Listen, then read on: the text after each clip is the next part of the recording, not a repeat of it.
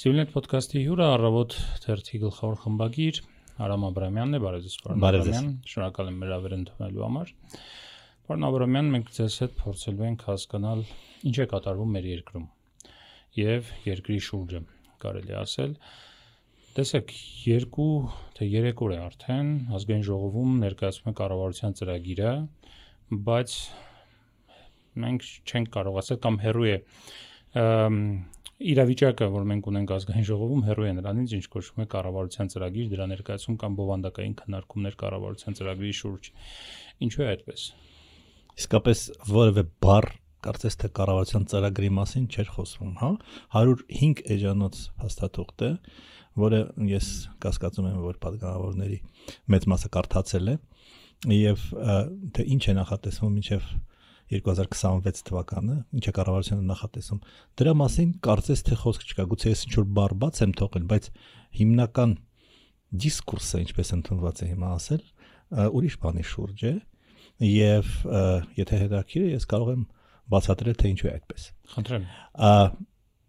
Դա պայմանավորված է նրանով, որ նախ մենք պետք է ընդունենք, որ այս խորհրդարանը արտահայտում է մեր հասարակության նախասիրությունները, տրամադրությունները, այսինքն այս խորհրդարանը ֆորմալ առումով լեգիտիմ է լուրջ խախտումներ ընտրությունների ժամանակ չեն եղել եւ քաղաքական ուժերը, որոնք հայտնվել են խորհրդանում, նրանք հենց արտահայտում են այն մարդկանց ձգտումները, ցանկությունները, որոնք նրանց գործուղել են խորհրդարան։ Ինչ մանդատով կամ ինչ ուղերձով են նրանք գործուղել։ Նրանք գործուղել են երկու տարբեր տեսակի ուրեմն մանդատով։ Մեծամասնությունը գործուղել է ԿՊ-ին, որpիսի այն մուրճով, պողպատով կամ չգիտեմ, քիթ մռուտ ջարդելով վրեժ խնդիր լինի հերը անիծի նախորդ իշխանության, նախորդ իշխանության ներկայացուցիչներին, որովհետև հիմնական ուղերձը, որը իրականացվում էր նախընտրական կամպանիայի ժամանակ, հենց այդ էր մնացած ինչ որ բաներ, հա, ինչ որ ինչ որ թվին S կլինի, ինչ որ թվին N կլինի, չգիտեմ, այսքան տոկոսով, այնքան տոկոսով կբարձրանա կամ նույնիսկ անվտանգության խնդիրները, այդ ամբողջը նահանջել էր երկրորդ պլան։ Մարդկանց ԿՊ-ին գործողել են, որpիսի նրանք թալանչիներին վատ մարդկանց մի խոսքով հնարավորինս զգետնեն, ջախջախեն եւ այլն։ Փոքրամասնությունը նույնպես ինչ որ բաներ նրանք ասել են ծրագրային եւ այլն եւ այլն, բայց դա ոչ մեկին մեծ հաշվով նրանց ընտրողներին չէր հետաքրում։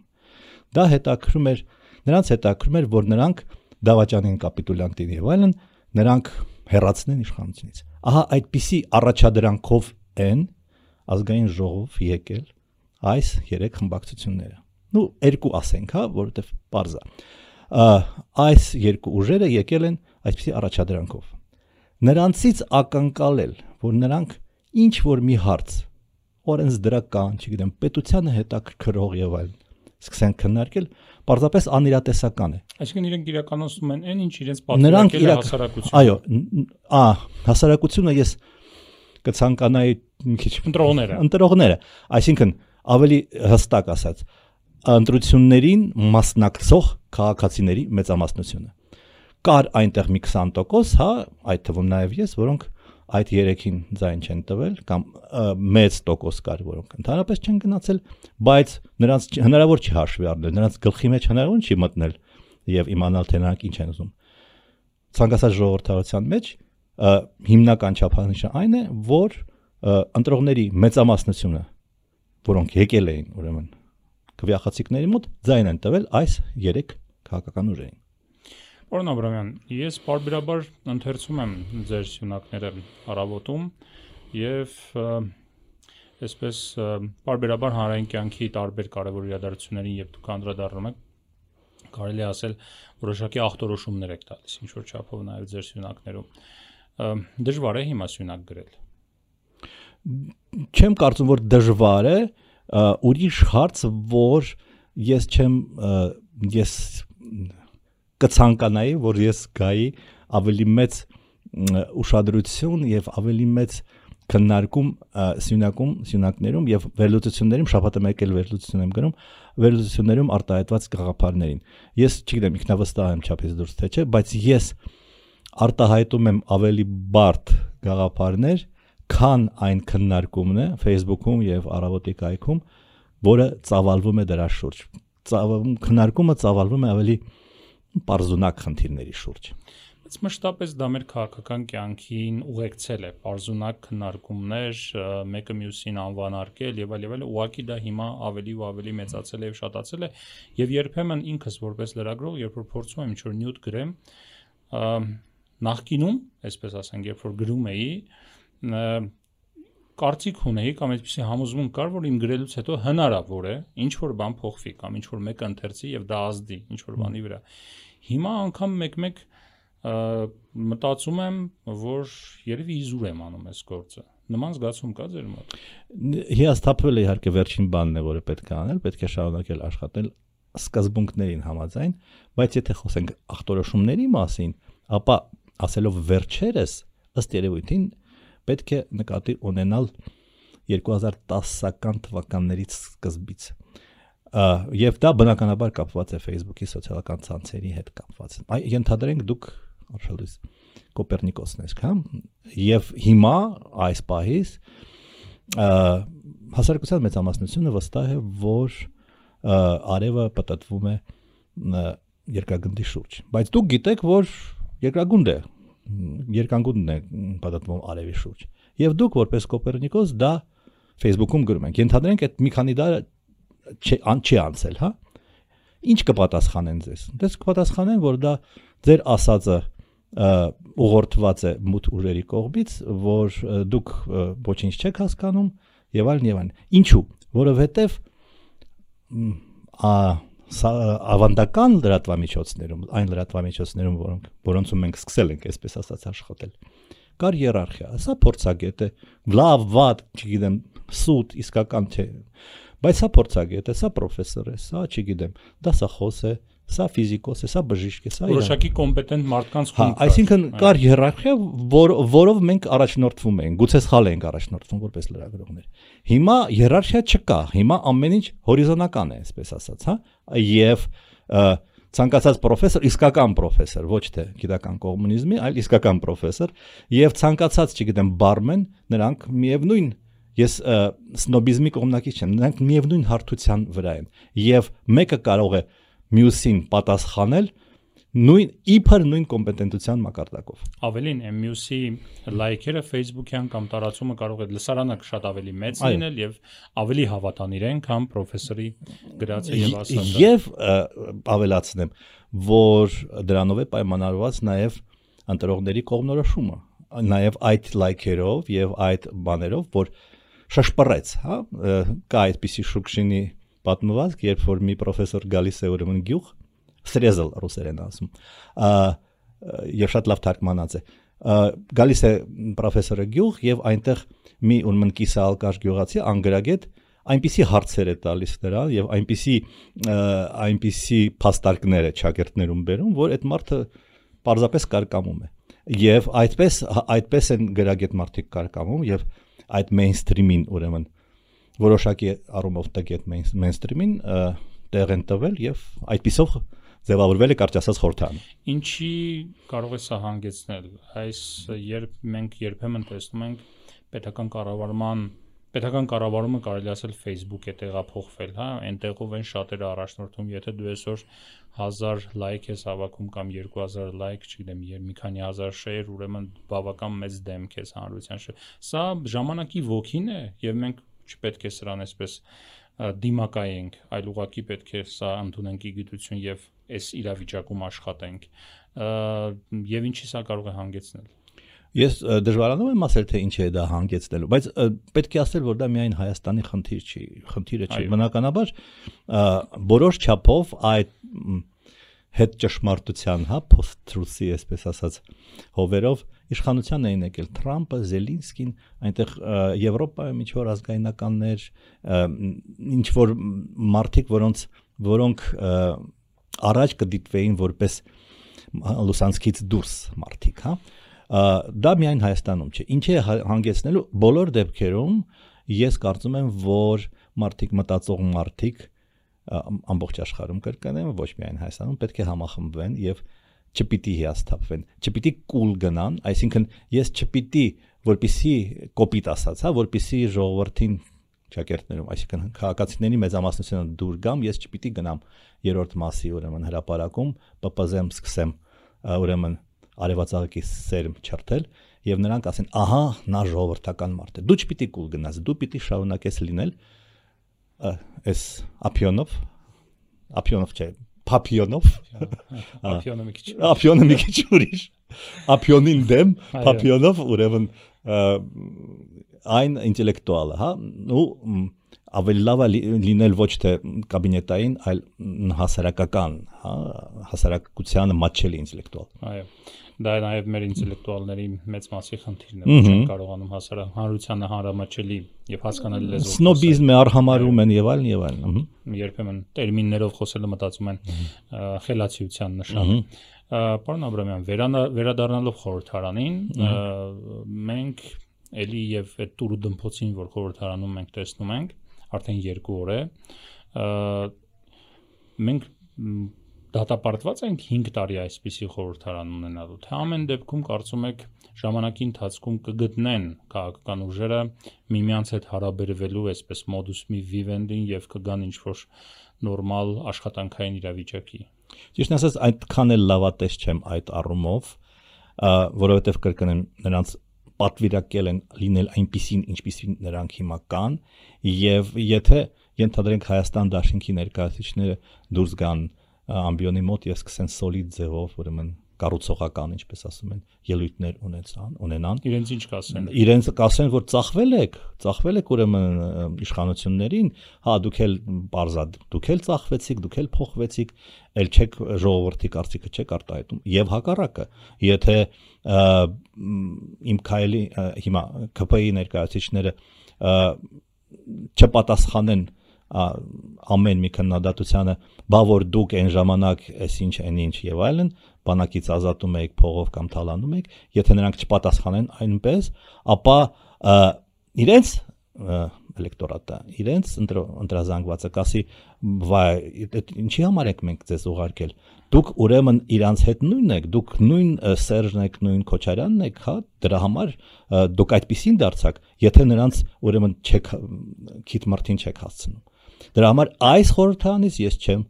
պատկերացնում նրանք չեն կարող լինել կոնստրուկտիվ բայց հնարավոր է կներեք հնարավոր է որ լինեն արտահերտ ընտրություններ բացառված չի եւ կան այլ ուժեր Այդ դրա մասին էի հենց ուզում հարցնել, որ ասեի խոսեինք, որովհետև ընդդիմության ներկայացուցիչները այս երկու օրը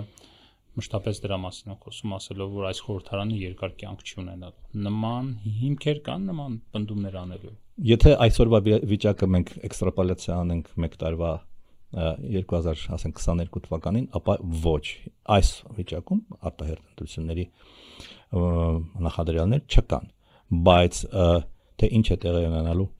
եւ ոչ միայն Հայաստանում, հա, այլև ինչպես դուք սկզբից ձեր բացման խոսքում ասացիք Հայաստանի շուրջ, թե ինչ է տեղի ունենալու 1 տարուց հետո,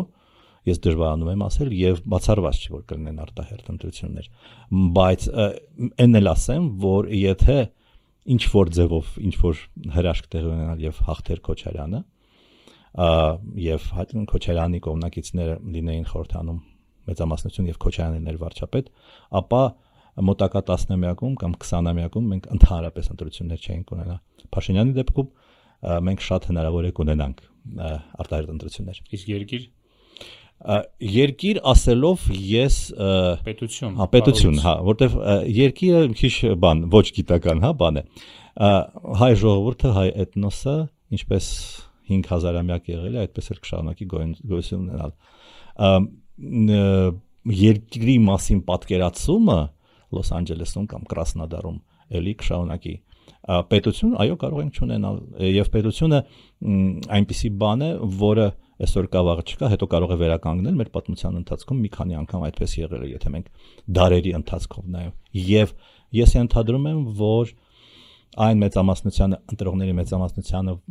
որոնք ձայն են տվել այս խորհրդարանին, պետության գոյություն ունենալը կամ չունենալը առանձնապես չի հետաքրքրում։ Սա ուն եկանք Հայաստանի շուրջին կատարվողին, Հայաստանի շուրջը կատարվողին։ Պարոն Աբրամյան, վարչապետը երբ խոսեց խորհրդարանում եւ անդրադարձ կատարեց Արցախյան հիմնահարցին, ասեց չեմ ուզում որևէ մեկին քննադատել կամ մեղադրել, բայց Հայաստանը երբեք Արցախի վերաբերյալ հստակ ռազմավարություն չի ունեցել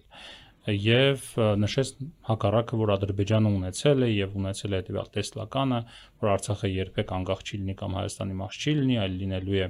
Ադրբեջանի մաս կամ զենքով կամ զորով կամ բանակցություններով բայց Հայաստանում նման մոտեցում չի եղել, տարբեր են եղել միջազգային հարության հետ։ Մի կերպ են խոսել Հայաստանի ներսում, այլ բան են ասել։ Նախ համաձայն եք թե չէ որ, որ որպես մարդ լրագրող, որ այդ տարիների ընթացքում լուսաբանել է նաև այս խնդիրը, համաձայն եք այս մոտեցումների հետ թե ոչ։ Եվ երկրորդը մենք չտեսանք նաև վարչապետի այս կառավարության ծրագրում, երբ որ նա քննադատեց, որ ռազմավարություն չի եղել, իր ռազմավարությունը որն է սրա վերաբերյալ այս հարցի։ Այո, դա կարելի է համարել ինքնակնդատություն, որովհետև ինչպես ռազմավարություն չի եղել նախորդ տարիներին, այդպես այդպես է ռազմավարություն չի եղել նաև վերջին 3 տարիներին, որովհետև այն ինչ որ ասում են որ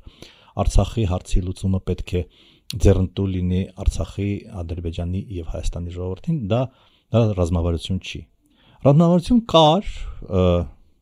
պատերազմի ժամանակ Տեր-Պետրոսյանի կողմից եւ կար պատերազմից հետո ես կարող եմ վստահաբար ասել, որ ես վերցնում եմ այս շրջանները, մենք վերցնում ենք այս շրջանները Ֆիզուլի, Ջեբրայելի, Զանգելանի եւ այլ եւ այլն, որpիսի դրանք հետո հանձնենք Արցախի կարգավիճակի դիմաց, միջազգայինորեն ճանաչված Արցախի կարգավիճակի դիմաց։ Ճիշտ ռազմավարություններ դժվար դժվարանում եմ ասել, բայց կարող եմ ասել, որ այդ ռազմավարությունը մերժվեց Հայաստանի քաղաքացիների մեծամասնության կողմից։ Այսինքն այդ պրոյեկտը, այսպես ասենք, ճակերտներում ազատական պրոյեկտ է, հա, որ ի վերջո մենք կկարգավորենք այս այս վիճակով այս կամ այն ձևով կկարգավորենք մեր հարաբերությունները Հայաստանի եւ Ադրբեջանի միջև եւ մեր հարաբերությունները 100 կամ 200 տարի հետո կլինեն այնպիսի հարաբերություններ, ինչպիսին ինչպիսիք են Ֆրանսիայի եւ Գերմանիայի հարաբերությունները, որոնք էլի մեզնից շատ են իրար կոտորել, հա։ Բայց հիմա նորմալ հարևաններ են։ Այդ պրոյեկտը տապալվեց եւ ես ենթադրում եմ, որ մեր եւ Ադրբեջանի հարաբերությունները երբեք երբեք չեն լինի այնպիսին, ինչպիսին եվրոպական երկրների հարաբերությունները։ Ես ավելին ենթադրում եմ, որ Հայաստանը կամ Հարավային Կովկասի որևէ երկիր երբեք իր բարեկեցության մակարդակով չի լինի Ֆրանսիայի եւ Գերմանիայի մակարդակին։ Այն պատրանքները, որոնք գոյություն ունեին 1991 թվականին նաև իմ մոտ։ Այդ պատրանքները հոդես ցնտեցին։ Այսինքն ազատական պրոյեկտը տապալվեց, բայց տապալվեց նաև ազգայնական պայմանականորեն ասած դաշնակցական պրոյեկտ։ Այսինքն ինչպես տապալ, երբ տապալվեց։ Այն տապալվեց 2021 թվականի հունիսի 20-ին, որովհետև եթե պետության գոյության իմաստը, ինչպես ասում են raison d'être, հա, Արցախը որպես հայկական հող պահելն էր, ասում էին ազգայնականները եւ ասում էին շատերը։ Այդ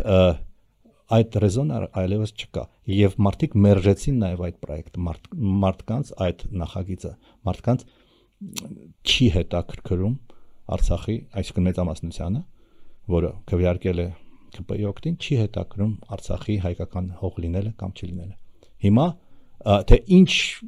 նախագիծ է հնարավոր իրականացնել Հայաստանի հետ կապված, դա իհարկե շատ բարդ բարդ հարց է։ Տեսեք, երեք երեկոյան մենք ստացանք տեղեկատվություն այն մասին, որ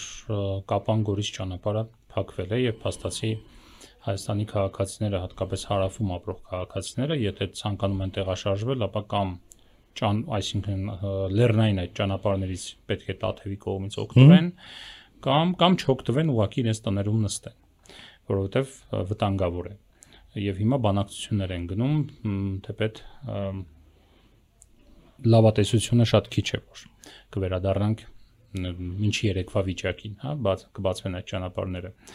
բայց չնայած դրան մենք խորհրդարանում էլի տեսնում ենք մի հպանցիկ վարչապետը խոսում է դրա մասին, ուղղակի որ գիտեք ինչ ադրբեջանական կողմի հայտարարությունները, որ այնտեղ ինչ որ միջադեպ է եղել եւ մեղավորը հայկական կողմն է, չի համապատասխանում իրական իրականությանը, բայց մենք դա կանխատեսում էինք եւ այլ ճանապարհները պետք է լավացնենք ուղղակի, որպեսզի ներսում հաղորդակցությունը լավանա։ Այսինքն ձեր քաշենք այդ ճանապարհից։ Ну մոտավորապես չասած ձեր քաշենք, իհարկե բանակցությունները բան, բայց չասացել որ ինչ որ գեր, ինչ որ ջանքեր են ներդրվելու այդ ճանապարհը վերաբացելու համար եւ գնալու են որոշակի քայլերի։ Այլ ուղղակի ասած, որ մեր ներսի ճանապարհները պետք է լավացնենք, ուժեղացնենք ու դրա ֆոնին նաև դրա հետ մեկտեղ ելի նույն քննարկումները այ դուք նախկինում էսպես, հետո դուք էսպես, դուք չապահովեցիք անվտանգություն, այն մյուսները ասում են որ ժամանակին դուք էսպես եք արել զուգահեռ իրականություններում ոնց որ ապրենք, հա, անվտանգության ամենա կնճռոտ խնդիրները գնալով ել ավելի են ահագնանում, բայց ազգային ժողովում խորհրդարանական երկրի քննարկումները անցյալի կամ անցյալը ռևիզիայի ենթարկելու մասին է։ Այո, եւ դա նույնպես պայմանավորված է քաղաքացիների նախասիրությամբ, որովհետեւ ես մենք հիմա դուրս գանք հյուսիսային պողոտա այստեղ եւ հարցնենք մեր քաղաքացիներին, նրանց շատ է հուզում, որ այդ ճանապարհը փակվել է։ Նրանք կասեն, որ այո, մի քիչ հուզում է, բայց իրականում դա Քոչարյանն ու Սերժն են փակել, հա, մեծամասնությունը կասի պարզապես խեղճ Նիկոլը ստիպված էր